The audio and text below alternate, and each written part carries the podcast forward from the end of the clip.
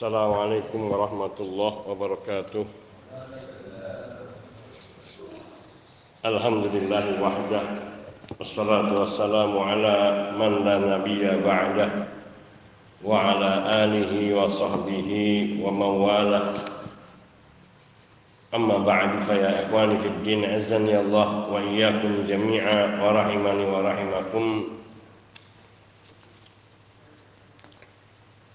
Kita masih membahas tentang tanda-tanda besar akan terjadinya kiamat. Dan masuki tanda besar yang kedua setelah pertamanya adalah yaitu munculnya atau keluarnya Imam Mahdi. Maka yang berikutnya adalah keluarnya Dajjal.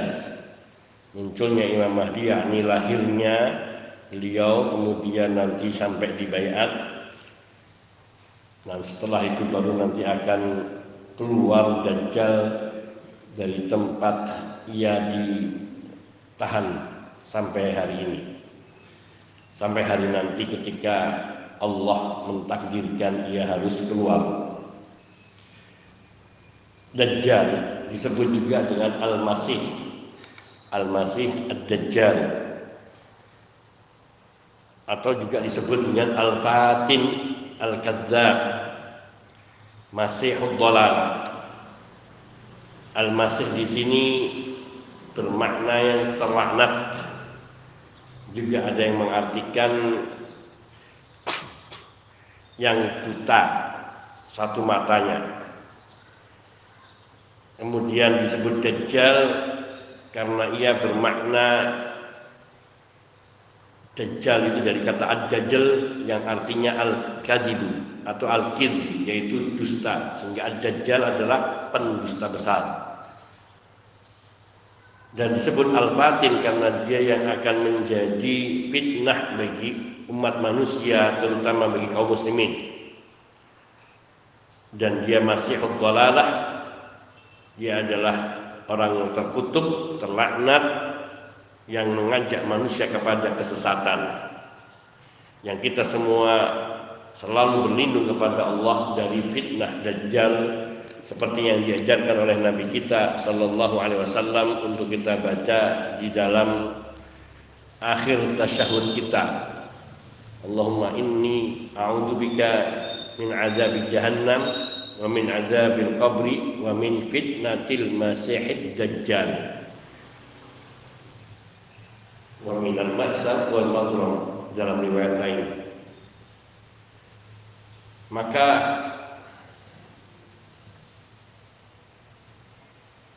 para nabi alaihi wassalatu wassalam dari sejak Nabi Nuh sampai dengan Nabi kita Muhammad sallallahu alaihi wasallam semuanya telah memperingatkan umatnya dari fitnah dajjal ini.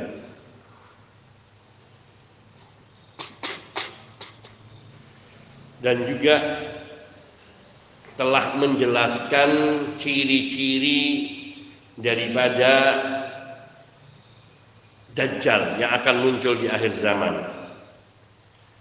Demikian pula Nabi kita Muhammad sallallahu alaihi wasallam telah memperingatkan kepada kita bahaya daripada fitnah dajjal. Bahkan peringatan yang disampaikan oleh Nabi tentang dajjal kepada umatnya, kepada kita lebih rinci daripada yang diterangkan oleh para nabi sebelum beliau kepada umatnya. Menerangkan sifat-sifatnya, dan juga ciri-ciri yang ada pada mereka sehingga orang yang mengetahui apa yang diberitakan oleh Nabi insya Allah tidak ada keraguan tentang sifat dan diri Dajjal sehingga ia bisa berwaspada dari Dajjal bila telah muncul di waktunya. Namun kita berlindung kepada Allah agar kita terhindar dari fitnahnya. Di dalam riwayat Imam At-Tirmidzi disebutkan bahwa Dajjal kelak nanti akan muncul dari daerah yang namanya Khurasan. Khurasan ini daerah Persia dan berdekatan dengan daerah India, tapi dia ada di Persia. Di dalam Sahih Muslim dari Anas bin Malik radhiyallahu taala anhu yang diriwayatkan secara marfu disampaikan di situ oleh Nabi sallallahu alaihi wasallam yatba'ud dajjal min yahud asbahan sab'una alfan alaihim atayalisah. Nanti yang akan mengiringi keluarnya keluarnya dajjal 70 ribu orang Yahudi Asbahan. Yahudi Isfahan orang Yahudi Isfahan ini orang-orang Yahudi yang tinggalnya berada di daerah Khurasan tadi yaitu 70 ribu orang Yahudi Isfahan yang semuanya memakai baju atau topi kebesaran Yahudi. Sehingga pakaian Yahudi itu jubah Yahudi kebesaran pakaian jubah Yahudi. Ada yang menyebut kayak lisah itu adalah topi khas Yahudi. Itu nanti akan menjadi kebanggaan mereka. Jadi ketika mereka dulu mengharapkan seorang nabi akhir zaman dari kalangan mereka ternyata Nabi kita Muhammad Shallallahu Alaihi Wasallam yang dari bangsa Arab bukan dari mereka, mereka kecewa. Apalagi membela bangsa Arab yang bermusuhan dengan orang Yahudi. Maka seolah mereka yang mereka nanti di akhir zaman ini adalah Dajjal sebagai pengganti yang kekecewaan mereka. Namun ini adalah pengganti yang paling buruk buat mereka dinamakan dengan Al-Masih. Di sini ada perbedaan beberapa pendapat di kalangan ulama. Ada yang mengatakan ainuhu mamsuhah yaitu matanya buta satu. Matanya buta satu. Wakila ada juga yang mengatakan li'annahu yamsahul ardo karena dia mengusap bumi maknanya di seluruh bumi negeri itu pasti akan dimasuki oleh Dajjal kecuali dua tempat yaitu Makkah dan Madinah. Dan ada juga yang mengatakan maknanya masih itu adalah al-mal'un yaitu yang terlaknat. Satu dengan yang lainnya makna di sini tidak jauh berbeda yang menunjukkan bahwasanya ciri dari sifat dajjal itu sendiri atau nanti keadaan dajjal itu di akhir zaman. Disebut dengan ad-dajjal berasal dari kata ad-dajjal yaitu al-khalat. Al-khalat itu tercampur baur dan juga ada yang mengatakan dajjala idza khalata wa mawah membuat kekacauan pada pikiran orang. Karena nanti dajjal akan membuat kekacauan pikiran manusia dengan kedustaannya. Kata dajjal ini mengambil dari wazan fa'an dan termasuk bina mubalaghah. Bina mubalaghah itu untuk menunjukkan sangat. Dajjal abad kafar terus uh, tawab khata ini menunjukkan arti kepada banyak. Kullu bani adam khata'un kullu bani adam khata' setiap anak Adam itu pasti banyak dosanya. Khata dari kata-kata khat, khatik, kata tunggalnya kata-kata biasanya maknanya khatik. Namun kathirul khata banyak berbuat kesalahan dinamakan khata. Wa khairul khata'in at-tawwabun dan sebaik-baik orang yang banyak dosanya kesalahannya adalah orang yang paling banyak orang yang banyak taubatnya tawab dari makna taib kemudian dengan isim mubalaghahnya menjadi tawab dan seterusnya seperti itu. Maka di sini dajjal karena banyaknya perbuatan kedustaan yang dia lakukan yaitu yaksuru minhul kidbu wat talbis karena Dajjal itu suka membuat kedustaan dan kerancuan ke, kerancuan berpikir manusia. Sehingga manusia itu dibuat kacau dibuat bingung tentang mana yang hak dan mana yang batin ini yang terjadi pada uh, manusia nanti ketika bertemu dengan Dajjal. Nah Dajjal disifati dengan Dajjal karena kedustaan dan tipu dayanya yang membuat manusia itu dalam kebimbangan dan kerancuan dalam berpikir.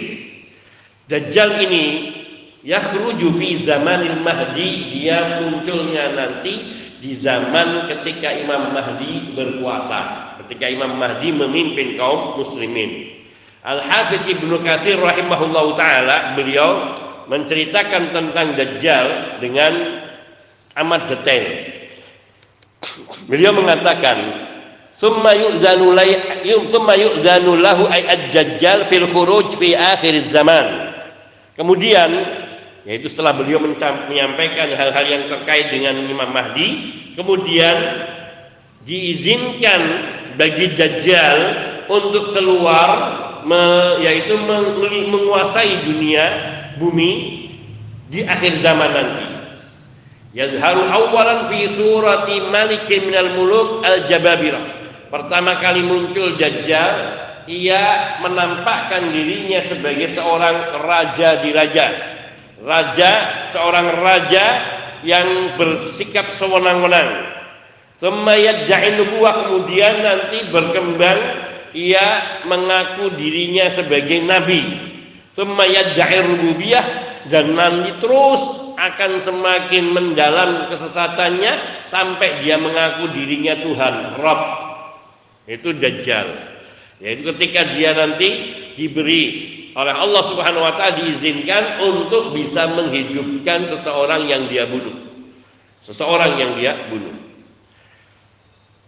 Lalu ia diikuti oleh orang-orang yang jahil terhadap agama dari anak keturunan manusia min bani Adam. Waktu minar ru'a wal awam orang-orang yang uh, orang-orang yang bodoh pandir yang benar-benar dia tidak mau menggunakan akal sehatnya yang akan mengikuti dan orang-orang yang ia dikuasai dengan hawa nafsunya minas sedangkan yang nanti akan menyelisihinya melawannya dan menentangnya adalah orang-orang yang diberi hidayah oleh Allah. Orang-orang soleh dan juga tentara-tentara Allah yang bertakwa. Mereka ini yang akan melawan dan juga berhadapan dengan Dajjal wa yatadanna fa ya'khudul bilada baladan baladan wa hisnan hisnan wa iqliman iqliman wa kuratan kuratan wa la yabqa baladun minal buldan illa wata'ahu bi khailihi wa rajlihi. Ghairu Makkah wal Madinah. Ia nanti akan berjalan dengan cepatnya menguasai dunia ini. Dalam waktu singkat setiap negeri dari satu negeri ke negeri lain, dari satu benteng ke benteng lain, dari satu wilayah ke wilayah lain, bahkan sampai dalam satu musim ke musim lain, wilayah-wilayah lain, sampai satu pelosok ke pelosok lain. Tidak semuanya dijelajahi. Sampai tidak tersisa satu negeri pun yang tidak dijelajahi di muka bumi ini kecuali Mekah dan Madinah. Dua tempat ini dijaga oleh para malaikat dan dia kuasai dengan kekuatannya, dengan kekuasaannya yang dia miliki. Dan masa tinggalnya di bumi yaitu hanya 40 malam, 40 hari, arba'una yauman. Namun Allah takdirkan satu tahun, satu hari pertama dia muncul itu Allah panjangkan hari itu sehingga lamanya satu hari pertama kali Dajjal muncul itu sama dengan satu tahun kita. Allahu Akbar. Satu tahun perjalanan yaitu 365 hari. Jadi matahari itu terus tertahan sampai 365 hari atau menurut Syekh Muhammad bin Shalih Utsaimin yakni setengah hari, setengah tahunnya siang dan setengah tahunnya malam. Kalau melihat satu hari ini satu hari semalam. Tapi ada yang mengisyaratkan 40 hari satu tahun, satu hari pertama satu tahun yaitu pokoknya lamanya satu tahun. Maka akhirnya setengahnya siang 365 itu setengahnya siang dan setengahnya malam. Ini perjalanannya masa yang paling berat bagi manusia di zaman itu. Semoga kita tidak mengalaminya. ataupun sekiranya mengalaminya mudah-mudahan Allah memberikan keteguhan hati kepada kita semua. Kemudian hari keduanya lamanya Allah panjangkan menjadi satu bulan. Dan hari ketiganya Dajjal itu lamanya uh, satu hari uh, seminggu sepekan dan 37 hari sisanya kembali seperti hari-hari semula. Sehingga kalau di total lamanya yaitu sairu ayyamihi ka ayyamin nas itu sisa-sisanya. Dan itu sisa sama dengan wa mu'addalu dzalika sanatun wa syahrani wa nisfu syahr. Satu tahun, dua pekan, dua bulan, dua pekan. Itu lama totalnya Dajjal tinggal di bumi. Pernah ditanyakan kepada Rasulullah Sallallahu Alaihi Wasallam mengenai satu hari yang lamanya satu tahun. Ini bukan kata kiasan digambarkan seolah-olah lamanya satu tahun karena tidak, namun memang benar-benar satu tahun. Hal ini terlihat dari sabda Rasul Sallallahu Alaihi Wasallam ketika ditanya oleh para sahabat, ya Rasulullah, bagaimana kita melaksanakan sholat di hari yang lamanya satu tahun itu. Kata Nabi Shallallahu Alaihi Wasallam, kalian ukur seperti hari-hari sebelum itu. Artinya dalam satu tahun ini, meskipun matahari masih bersinar terang di langit, kita ya sholat subuh, ya sholat duhur, sholat asar, sholat maghrib, sholat isya, dan sholat subuh lagi terus sampai selama satu tahun. Dan waktu yang kita ukur adalah waktu sebagaimana sebelum sebelum terjadinya datangnya munculnya Dajjal. Ini uh, hari pertama dan demikian pula pada hari keduanya yang selama satu bulan maupun yang satu pekan. Sehingga dalam satu hari yang lamanya satu tahun itu kita mengerjakan sholat lima waktu ya sama seperti satu tahun. Hanya saja siang dan malamnya panjangnya seperti satu tahun tadi. Setengah tahun siang, setengah tahun malam. Sebenarnya hal semacam ini juga ada di negeri yang ada di kutub, baik itu kutub utara maupun kutub selatan, di mana matahari hanya muncul setengah tahun sekali, dan juga bulan demikian pula. Maka ketentuan orang-orang yang hidup di daerah kutub seperti ini sekiranya ada yang beriman, ada yang muslim, maka mereka mengikuti daerah yang lamanya normal, yang waktunya berjalan normal. Ini demikian pula di dalam berpuasa. Mengambil waktu yang normal. Bayangkan kalau seorang harus berpuasa selama setengah tahun.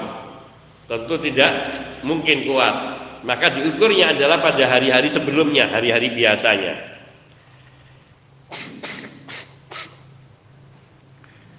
Kemudian Allah Subhanahu wa taala memberikan kemampuan-kemampuan yang luar biasa pada diri Dajjal ini.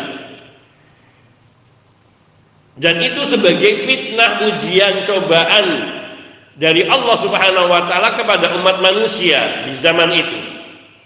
Sehingga dengan izin Allah Dajjal ini menyesatkan banyak manusia dengan kekuatan-kekuatan-kekuatan yang Allah berikan kepadanya.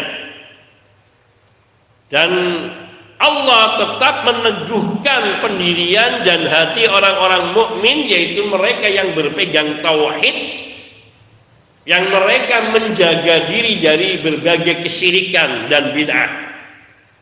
Karena nanti fitnah yang akan dimunculkan Dajjal yaitu dengan pola yang sama pada kebid'ahan dan kesyirikan-kesyirikan. Sehingga orang-orang yang mereka jauh dari ketauhidan atau tidak mengenali apa itu tauhid dan hal-hal yang terkait dengan tauhid serta tidak mengetahui kesyirikan dan macam-macam kesyirikan, dia akan mudah terpedaya oleh Dajjal sehingga dia akan terjatuh dan kufur kepada Allah wal billah.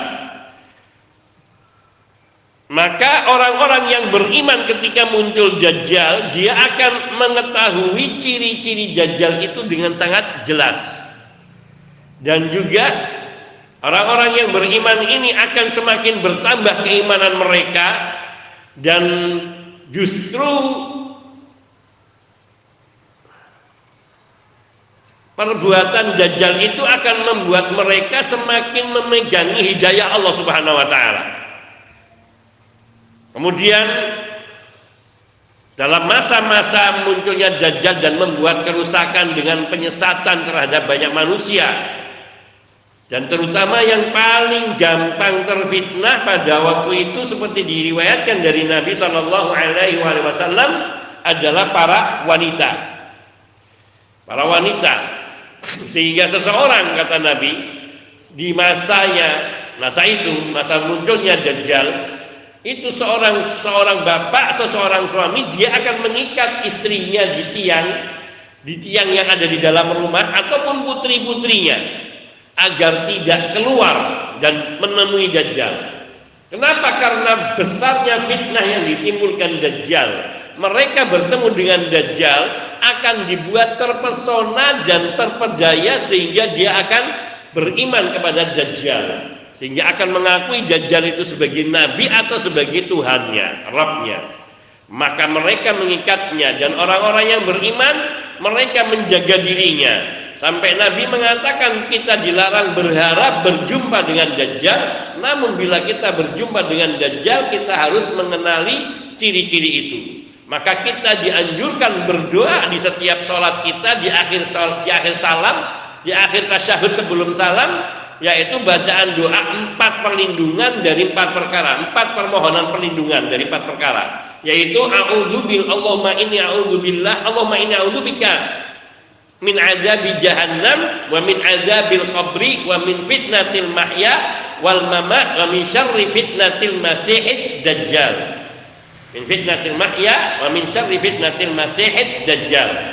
Ya Allah aku berlindung kepadamu dari azab jahanam neraka jahanam azab siksa kubur dari fitnah kehidupan dan kematian dan dari fitnah yakni jahatnya fitnah dajjal. Ini kemudian yang satu yang sering juga disebut oleh Nabi Shallallahu Alaihi Wasallam dalam doanya seperti dikatakan oleh Aisyah, "Ya Rasulullah sallallahu alaihi wasallam, ya Rasulullah, sungguh aku sering melihat engkau berdoa mohon kepada Allah dari wa a'udzubika minal ma'zam wal maghram, yaitu berlindung dari hutang." Kata Nabi Shallallahu alaihi wasallam karena sungguhnya seorang bila dia telah di di, di apa namanya dibelit oleh hutang maka ia hidupnya dalam kesusahan dan akan melakukan hal-hal yang kadang tidak dibenarkan. Kemudian pada masa itu juga pada masa Dajjal itu juga turunnya Nabi Isa yaitu terutama di akhir-akhir hidupnya hayatnya Dajjal. Nabi Isa alaihissalam alaihissalatu wassalam turun kemudian beliau nanti akan yakni beliau ini Masihul Huda fi ayyami Masihid Dalalah. Beliau adalah orang yang diberkati Al-Masih pada diri Nabi Isa alaihissalatu wassalam yaitu yang diberkati oleh Allah subhanahu wa ta'ala. Nabi yang diberi keber keberkahan memberi petunjuk kepada jalan Allah dan berhadapan pada masa-masa turunnya Dajjal ini yaitu masih Dolalah maka orang-orang mukmin semua nanti akan bersatu mengikuti Nabi Isa alaihissalatu wassalam dan mereka akan bergabung bersama hamba-hamba Allah. Dan beliau Nabi Isa alaihissalam bergabung dengan hamba-hamba Allah yang bertakwa. Dan Nabi Isa alaihissalam akan berjalan bersama dengan orang-orang yang beriman menuju atau keberadaan Dajjal. Dicari kejar. Sehingga ketika Dajjal mengetahui Nabi Isa alaihissalam itu telah turun maka ia selalu menghindar sampai dia menuju ke negeri Palestina, Baitul Maqdis. Maka di Baitul Maqdis inilah Nabi Isa alaihissalam membinasakan Dajjal. Bayan hazimu minhud Dajjal. fayalhaquhu inda babi Madinatil Lut. Dan nanti hmm, Dajjal ini akan disusul, dikejar oleh Nabi Isa alaihissalatu wassalam bersama dengan orang-orang mukmin dan dia sampailah ketika dia sampai di kota di, di pintu gerbang kota Lut yang ada di Palestina atau Baitul Maqdis. Di situ Dajjal uh, Nabi Isa alaihissalatu wassalam akan membunuhnya dengan lemparan tombak yang tepat pada pada sasarannya dan masuk menembus uh, masuk menembus kota Lut tersebut dan membunuh Dajjal. Dikatakan oleh Nabi Isa alaihissalatu wassalam kepada Dajjal, "Inna li fika darbatan lan yafutani." Wa idza wajahu dajjal yanda'u kama yanhallul milhu fil ma' fayatadarakahu. Fayaktulu bil hirbati al haribah bi babil. Kata Nabi Isa alaihissalatu wassalam kepada dajjal sungguhnya telah dijanjikan kepadaku yakni satu pukulan pada dirimu yang engkau tidak akan dapat menghindarnya dariku Artinya aku kalau lemparkan tombak pasti kena itulah saat ketika Nabi Isa alaihissalatu wassalam berhasil mengejar Dajjal. Maka Nabi Isa membunuhnya dengan lemparan tombaknya. Nah itu kalau sudah berhadapan dengan Nabi Isa berhadapan dengan Dajjal, maka sungguh Dajjal itu yang begitu besar itu seperti air air garam, seperti garam pada air, lebur hancur, lemah, kecil, tidak punya kekuatan. Sehingga dia dapat dikalahkan oleh Nabi Isa alaihissalam dan dibunuh oleh Nabi Isa dengan anak tombak, dengan tombak, yaitu tepat di pintu Lut, pintu kota Lut yang ada di Baitul Maqdis. Maka kematian Dajjal fatakun wafatuhunaka la'anahullah matian Dajjal yaitu di kota Lut ini di depan pintu kota Lut. Semoga Allah melaknat Dajjal. Yang hal itu ditunjukkan pada hadis-hadis yang sahih dari beberapa jalur periwayatan. Demikian ini perkataan Imam Ibnu Katsir rahimahullah taala yang secara ringkas beliau mengisahkan tentang Dajjal sebagaimana tersebut di dalam nas-nas atau hadis-hadis yang sahih. Dan ini dikatakan oleh para ulama bahwa apa yang dikisahkan dirangkumkan oleh Ibnu Katsir bersandarkan kepada hadis-hadis yang sahih berkenaan dengan Dajjal adalah cara peringkasan yang sangat bagus sekali karena menceritakan dengan detail keadaan munculnya Dajjal di akhir zaman nanti. Adapun hadis-hadis Nabi Shallallahu Alaihi Wasallam yang sahih yang lainnya menyebutkan sifat-sifat Dajjal Walladhi tadullu alaihi nusus min amri dajjal aidan wa fitnatu anna man istajaba lahu ya'murus sama wa tumtir. Ini di antara sifat-sifat dajjal yang dimiliki yang membuat orang itu nanti apa namanya banyak ikut yaitu karena kemampuannya. Nah, tadi yang disebut secara global kemampuannya yang luar biasa. Di antaranya orang-orang yang mereka terkena fitnahnya dajjal dan menjadi pengikutnya Dajjal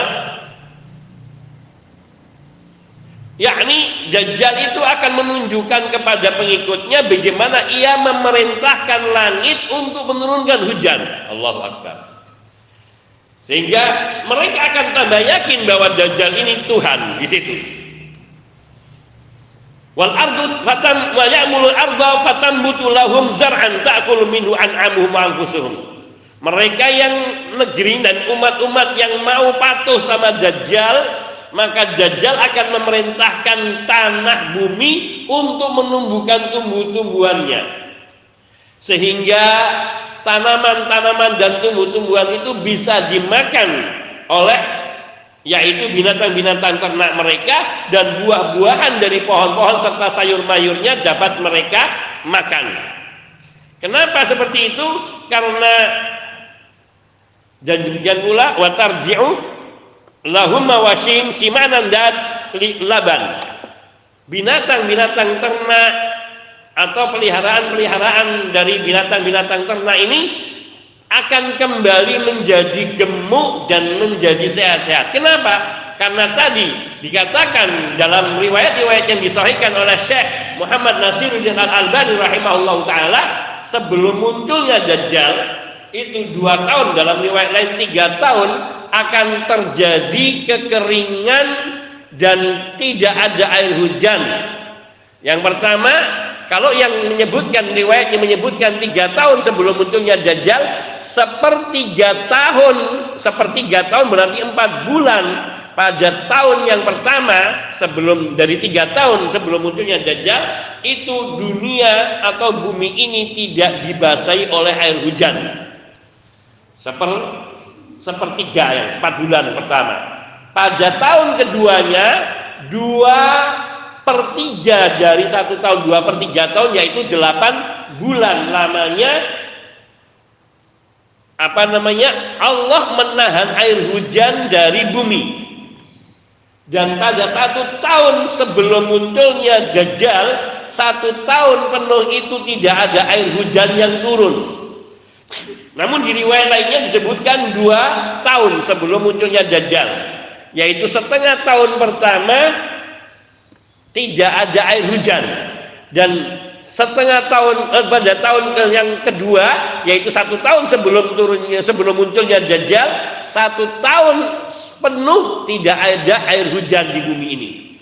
Sehingga manusia pada saat itu benar-benar dalam kondisi yang sangat mengharapkan adanya hujan. Sumur-sumur mulai kering, sungai-sungai mulai kehabisan airnya, dan binatang-binatang ternak, tanaman-tanaman pada hancur dan rusak sehingga banyak yang mati dari binatang-binatang ternak mereka. Nah, ketika Dajjal muncul, yang dia tawarkan apa yang dibutuhkan oleh manusia pada saat itu? Air yang berlimpah. Bagi mereka yang mau beriman kepada Dajjal setelah dia tunjukkan kemampuannya, maka dia akan perintahkan langit untuk turun hujan. Dan itu dengan izin Allah. Allah memberikan kekuatan kepada Dajjal untuk berbuat seperti itu. Kemudian juga dia akan memerintahkan bumi-bumi tanah-tanah ini untuk menumbuhkan tanaman-tanamannya, pohon-pohonnya sehingga dapat dimanfaatkan. Sehingga air hujan itu membasahi sungai-sungai, lautan, sumur-sumur mulai tumbuh lagi dan kegersangan di tanah itu kembali muncul pohon-pohon, tanaman-tanaman mulai tumbuh dan mulai memberikan hasil kepada manusia. Namun ini hanya berlaku bagi orang yang mereka mengikuti Dajjal. Wa man la yastajibu lahu wa yaruddu alaihi amrahu tusibu musanah wal jadb wal qahd wal qillah wa mutul an'am wa naqsil amwal wal anfus wa samarat. Wa annahu tatab tatba'uhu kunuzul ardi kayasi bil nahl. Dan orang-orang yang tidak beriman kepada Dajjal, yang menentang Dajjal, maka kondisi mereka sangat payah kekeringan yaitu negeri-negeri muslim yang berada dalam kuasaan kaum muslimin itu mengalami kekeringan e, masa kemarau yang panjang habisnya yakni tanaman-tanaman dan sedikitnya bahan makanan dan banyaknya binatang-binatang ternak yang pada mati harta mulai berkurang jiwa juga berkurang demikian pula buah-buahan Sedangkan Dajjal ia menguasai kekayaan bumi. Kekayaan bumi yang begitu besar dan dia nanti akan membunuh seorang pemuda yang kemudian di hadapan umatnya dan orang-orang itu dia akan menghidupkan kembali orang itu. Namun pemuda ini ketika dia maju datang menantangnya, kemudian dia perang dengan Dajjal dan dibunuh dengan mudahnya oleh Dajjal. Kemudian Dajjal hidupkan dia lagi dengan izin Allah untuk menjadi fitnah ujian bagi bagi anak muda ini dan juga orang-orang yang bersama Dajjal. Maka hiduplah anak muda ini, namun ketika dikatakan kau sudah aku bunuh dan aku hidupkan kau. Maka percayalah, maka berkata anak muda yang beriman ini, sungguh aku semakin yakin kalau engkau adalah Dajjal dan Allah hanya menjanjikan sekalian satu kali kemampuan untuk menghidupkan dan anak muda itu kemudian mengatakan dan engkau tidak akan dapat membunuhku sekali lagi. Maka ia berhadapan dengan Dajjal dan ia menghindar dan nggak tahu kisah selanjutnya. Tapi artinya bahwa di situ pemuda ini menjauh dan tidak beriman kepada Dajjal. Semua yang terjadi dan segala yang diberikan Allah kepada Dajjal bukan sebuah karunia dan bukan sebuah rahmat, bukan sebuah anugerah namun itu adalah uh, istidraj. Dan Allah berikan itu untuk menguji hamba-hambanya yang beriman di akhir zaman nanti. Sehingga orang-orang yang mereka tidak berilmu dan itu menyebabkan lemah iman maka akan menjatuhkan dirinya yakni akan mudah dijatuhkan disesatkan oleh dajjal. Wa huwa ma'ahada hayyin 'ala Allah yaitu orang yang orang yang apa namanya fal yudillu bi katsiran wa huwa 'ala Allah Allah Subhanahu wa taala sangat mudah sekali untuk membuat manusia ini sesat ataupun memberi petunjuk. Namun Allah membiarkan yakni dajjal ini menjadi ujian bagi manusia. Menjadi ujian bagi manusia. Si dajjal ini ya penuh dengan ketidaksempurnaan, penuh dengan cacat dan dia hina di mata Allah Azza wa Jalla dan banyak melakukan kemaksiatan kegoliman meskipun ia memiliki kekuatan kesaktian-kesaktian yang membuat manusia terpukau namun jelas Dajjal ini adalah pendusta besar dan tanda yang paling menonjol pada diri orang mukmin maktubun baina ainaihi kafir tertulis di antara dua matanya ada yang mengatakan dua matanya di sini maka diletakkan di sini tengah-tengah di sini ada tulisan kafarah atau kafir, tulisan kafir atau kafara yang bisa dibaca oleh setiap muslim. Jadi orang berilmu muslim di sini yang mentauhidkan Allah.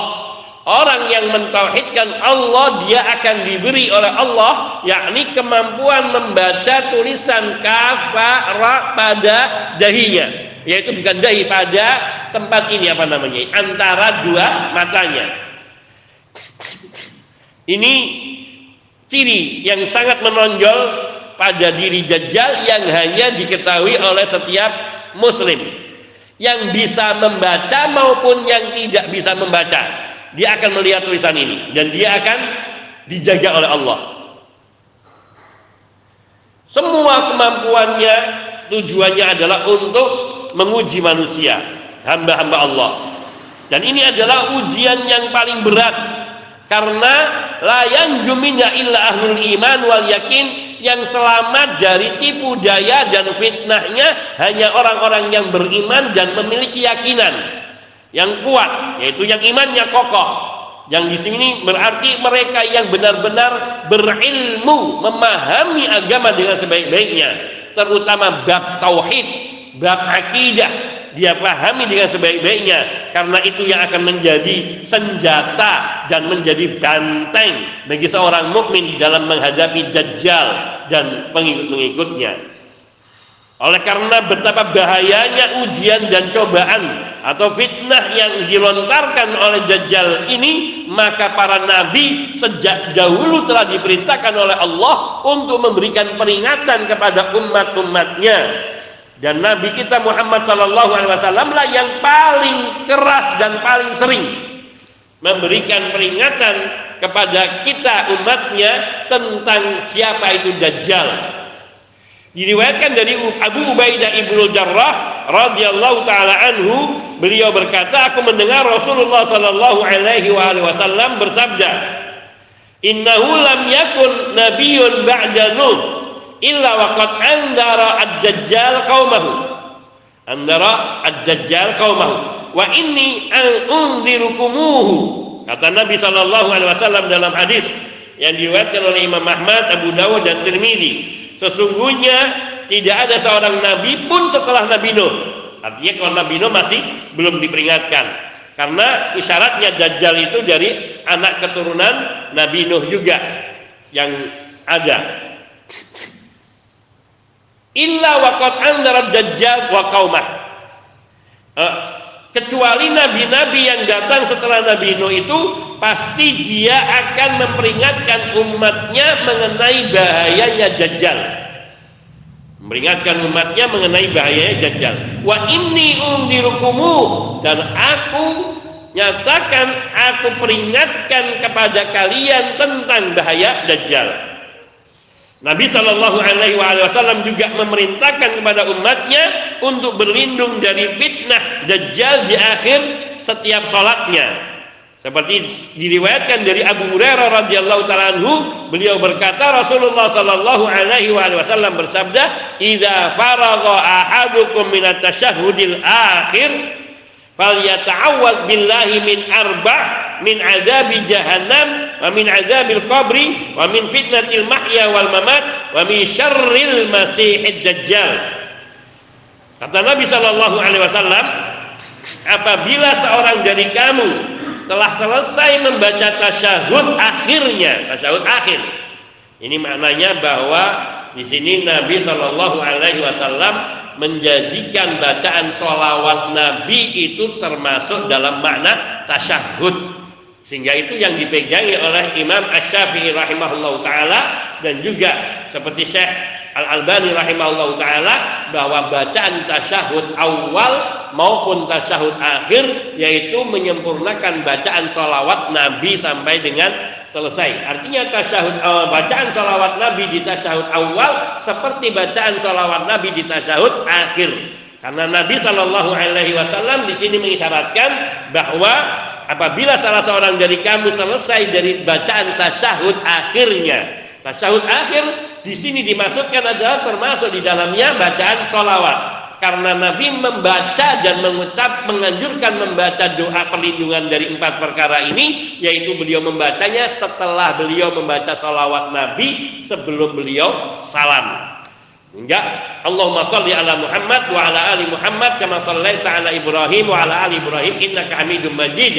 Allahumma barik ala Muhammad wa ala ali Muhammad kama barakta ala Ibrahim wa ala ali Ibrahim innaka Hamidum Majid. Baru kemudian Allahumma inni a'udzubika min azabi jahannam wa min fitnati wa min azabil qabri wa min fitnatil mahya wal mamat wa min fitnatil masihid dajjal wa min syarri fitnatil masihid dajjal. Ini dibacanya setelah salawat. Maka menurut Imam Asyafi rahimahullah taala bacaan salawat Nabi di rakaat atau di tasyahud awal sama seperti bacaan salawat Nabi di tasyahud akhir. Allah taala alam. Hadis ini yaitu hadis berkenaan tentang perintah Nabi untuk berlindung kepada Allah dari empat perkara diriwayatkan oleh Imam Ahmad dan Imam Muslim rahimahumullah taala. Kemudian berkaitan dengan akan munculnya dajjal telah diriwayatkan hadis-hadis yang derajatnya mutawatir dari banyak jalur periwayatan. Yang semua riwayat-riwayat yang banyak ini yang tidak terhitung atau sangat banyak ini sehingga mustahil para sahabat dan para perawi berdusta berkaitan dengan dajjal itu menetapkan bahwa Dajjal akan muncul dan juga hadis-hadis itu menerangkan tentang fitnah yang akan dibuat oleh Dajjal serta permintaan atau perintah dari Nabi untuk berlindung kepada Allah dari Dajjal. Hadis yang memerintahkan umat Islam atau kita untuk berlindung kepada Allah dari empat perkara termasuk di dalamnya dari Dajjal sangat banyak riwayatnya, jalur riwayatnya tidak hanya satu, banyak sekali. Kalau dikumpulkan bisa mencapai sudah jelas mencapai derajat mutawatir. Wa ajma'a ahlu sunnati wal jamaah ala khurujid dajjal fi akhir zaman. Ahlu sunnah wal jamaah mereka semua bersepakat bahwa dajjal akan muncul akan keluar dari tempat uh, uh, penahanannya yaitu di akhir zaman nanti. Ada kisah-kisah riwayat dari Nabi di antaranya diriwayatkan oleh Tamim Ad-Dari.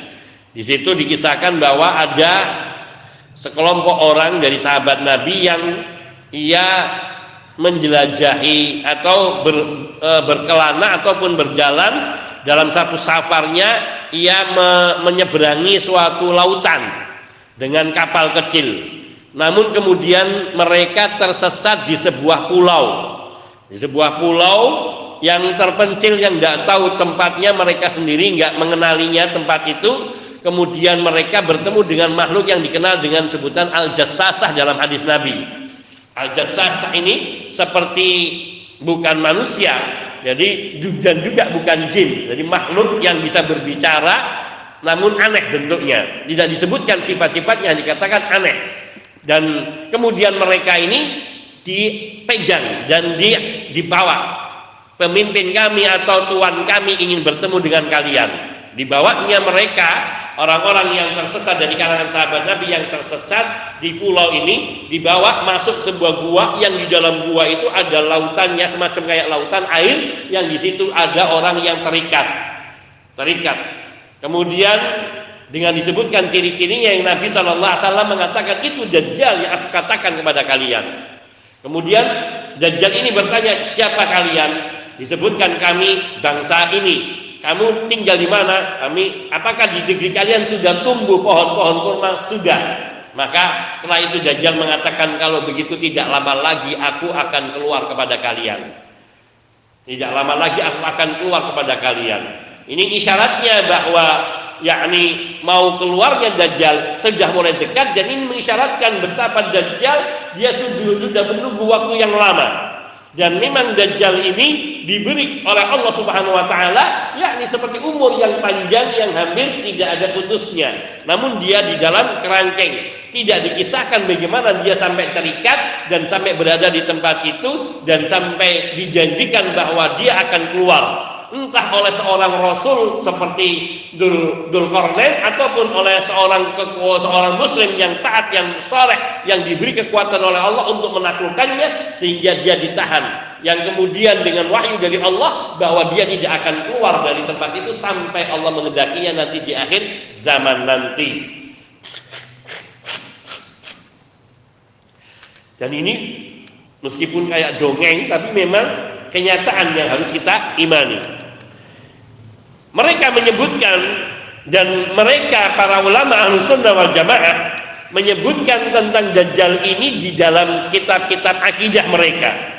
Ini menunjukkan bahwa mengimani munculnya Dajjal di akhir zaman nanti adalah bagian dari akidah ahlu sunnah wal jamaah. Faman angkara khurujau maka barang siapa yang mengingkari munculnya Dajjal di akhir zaman fakot khalafa ma dallat alaihi ahaditsul mutawatirah. Maka berarti ia telah menyelisihi hadis-hadis yang derajatnya mutawatir yang menunjukkan akan munculnya dajjal. Wa khalafa ma alaihi ahlussunnah wal jamaah dan berarti pula ia telah mengingkari menyelisihi apa yang menjadi prinsip dari ahlus sunnah wal jamaah. Dan yang mengingkari munculnya Dajjal itu hanyalah orang-orang ahlu bid'ah. Seperti kaum Khawarij, kaum Jahmiyah dan sebagian dari kaum Mu'tazilah. Juga para penulis-penulis kontemporer yang mereka menyatakan dirinya sebagai orang-orang ilmuwan ataupun ulama. Namun mereka sungguhnya menolak munculnya Dajjal tidak berhujjah dengan nas-nas hadis yang sampai derajat mutawatir namun sandaran mereka murni akal mereka yang tidak dan hawa nafsu mereka yang tidak mau menerima apa yang diriwayatkan dari hadis-hadis yang sahih. Mereka beranggapan mustahil ada manusia yang hidupnya lama seperti Dajjal yang dikatakan sudah ada diperingatkan dari zaman setelah Nabi Nuh alaihissalatu wassalam. Nabi-nabi setelah Nabi Nuh mereka memperingatkan umatnya mengenai bahaya Dajjal. Dan dikatakan dalam satu riwayat bahwa Dajjal ini salah satu dari keturunan yakni umatnya Nabi Nuh yang selamat tadi. Umat Nabi Nuh mereka dibinasakan kemudian dari mereka itu yang diriwayatkan yang riwayat Raji itu 80 orang menjadi pengikutnya Nabi Nuh yang dari satu dari mereka itu kemudian memberikan anak keturunan Dajjal yang berbuat semacam durhaka semacam itu sampai Allah mengkerangkengnya melalui hambanya dan kemudian Allah menjanjikan akan membebaskannya di akhir zaman untuk menjadi ujian dan cobaan bagi umat manusia. Nah, ini orang-orang orang-orang yang hanya mensandarkan kepada akal dan logika serta perasaan menolak nggak mungkin ada orang yang umurnya sepanjang itu apalagi hidup dalam keadaan terikat kerangkeng dan sebagainya. Maka perkataan orang-orang yang menolak adanya dajjal nanti di akhir zaman ini adalah ungkapan yang tidak boleh dipandang, tidak boleh di, di, dihargai, diperhatikan. Ini ucapan dari orang-orang yang tidak paham agama, tidak ngerti agama sama sekali. Yang wajib bagi kita kaum muslimin yaitu mengimani apa yang sudah diberitakan oleh Allah Subhanahu wa taala maupun Rasulnya Shallallahu alaihi wasallam melalui jalur periwayatan yang sahih serta meyakini apa yang telah ditunjukkan atau makna yang dikandung di dalam nas-nas yang sahih dari Nabi Shallallahu alaihi wasallam. Wa alla yakuna minal dan jangan sampai kita sebagai muslim termasuk ke dalam orang-orang yang dikatai oleh Allah di dalam firman-Nya. Surat Yunus ayat 39 yang Allah berfirman bal kadzabu bima lam yuhitu bi ilmihi walamma ya'tihim ta'wiluhu. Akan tetapi bahkan mereka mendustakan perkara-perkara yang mereka tidak memiliki ilmu padanya. Yang mereka tidak menguasai ilmunya. Walamma ya'tihim ta'wiluhu dan tidak datang kepada mereka penjelasan-penjelasan mengenai hal yang mereka dustakan. Orang ini tidak mau mempelajari agama dengan teliti.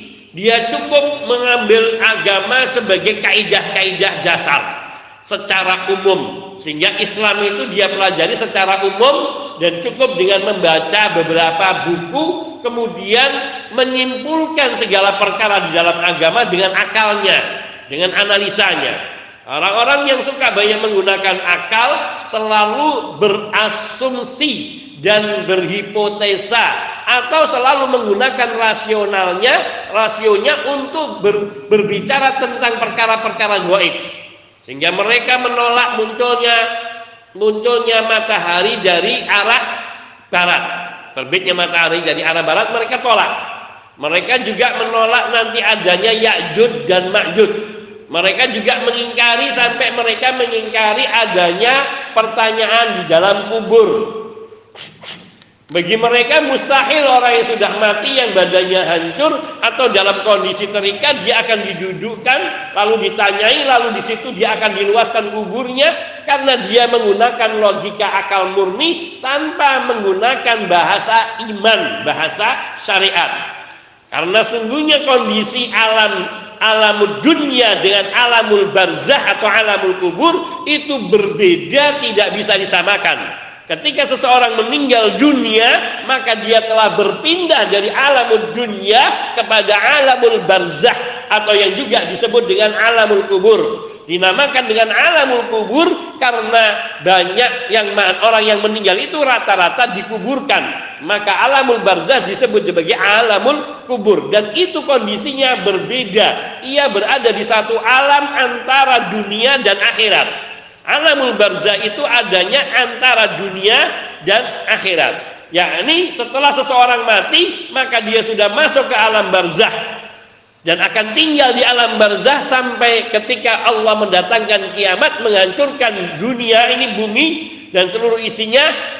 Kemudian Allah bangkitkan manusia. Baru mereka keluar dari alamul barzah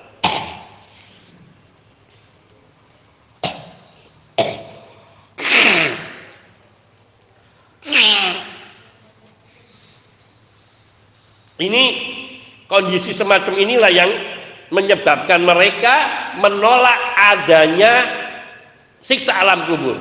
Termasuk mustahil menurut mereka munculnya dajjal yang dia bisa menguasai apalagi menceritakan bahwa hari pertama munculnya dajjal lamanya sampai satu tahun.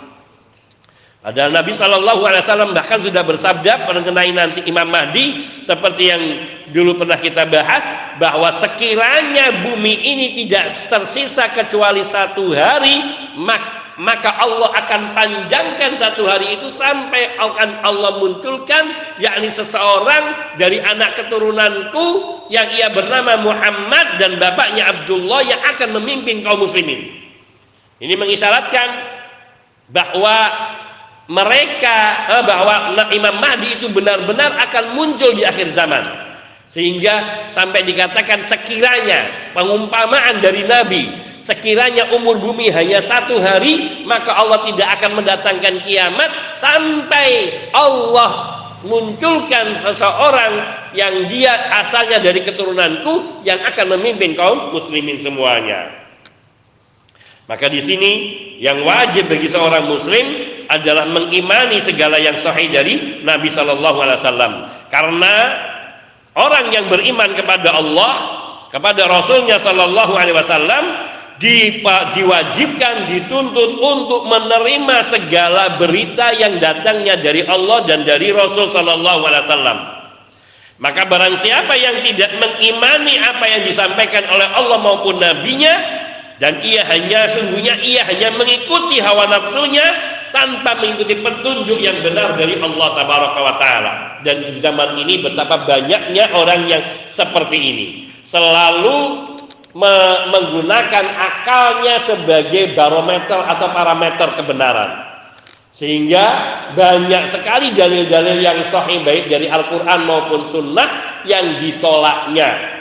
Kadang-kadang karena memandang rendah orang yang menyampaikan atau karena dia tidak suka dengan orang yang menyampaikan sehingga kebenaran dia tolak. Tidak boleh. Meskipun orang yang mengatakan mungkin kita tidak suka dengan perilakunya, kalau dia mengatakan sesuatu yang hak dan kita tahu itu bersumber dari yang hak, maka kita wajib mengambilnya. Seperti Abu Hurairah radhiyallahu taala yang pernah menjaga ditugaskan oleh Nabi Shallallahu alaihi wasallam menjaga lumbung gandum ataupun lumbung kurma. Yang kemudian dicuri oleh seseorang yang kemudian ketangkap oleh Abu Hurairah yang hal itu terjadi sampai tiga kali dan ketiga kalinya diancam kau aku laporkan kepada Nabi Shallallahu Alaihi Wasallam. Kata orang tua ini jangan jangan tolong jangan kau laporkan. Aku akan ajarkan kepadamu satu bacaan. Bila engkau membacanya maka Allah akan menjagamu dan dari dari segala keburukan dan syaitan tidak akan mendekatmu. Yaitu ayat kursi Allahu la ilaha illa huwal hayyul qayyum sampai akhir.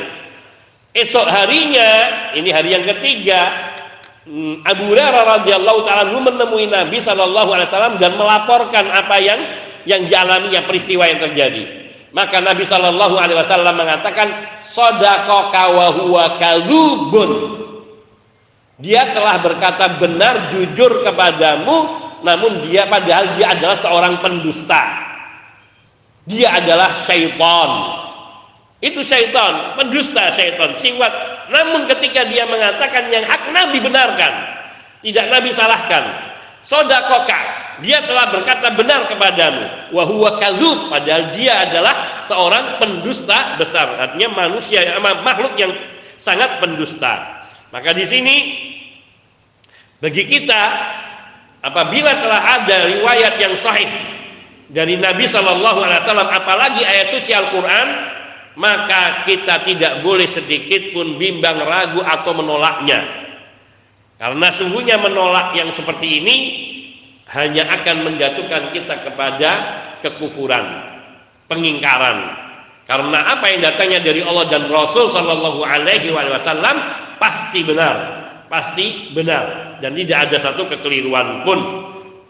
Walau anna min ghairi indillahi la wajadu fi ikhtilaban katsira kalau wahyu itu baik yang berupa Al-Quran maupun Sunnah itu e, datangnya bukan dari Allah, niscaya kita akan mendapati banyak pertentangan, banyak kontradiksi di dalam firman-firman Allah maupun sabda-sabda Nabi-Nya Shallallahu Alaihi Wasallam. Dan itu adalah mustahil. Nasallallahu al-afiyata wa salamata minasyakki wa syirki wal kufri wal nifaq wa su'il akhlak. Kita semua memohon kepada Allah Subhanahu wa taala keselamatan dari segala bentuk keraguan-raguan, dari segala bentuk kekufuran, kesyirikan, kemunafikan dan akhlak yang jelek. Dan semoga Allah Subhanahu wa taala menjaga kita, hati kita untuk tidak menyimpang dan sesat setelah Allah memberikan hidayah kepada kita dan segala puji hanya milik Allah Azza wa Jalla. Hadza yang dapat kita sampaikan pada pagi hari ini tentang Dajjal Sungguhnya pembahasan tentang Dajjal masih banyak tentang riwayat namun semua itu sudah terangkum apa yang disampaikan oleh Imam Ibnu Katsir rahimahullah taala dan oleh penyusun kitab ini hafizahullah taala. Barangkali ada pertanyaan. Hadza minni wa sallallahu wasallam ala nabiyina Muhammadin wa alihi wa sahbihi ajmain walhamdulillahi rabbil alamin.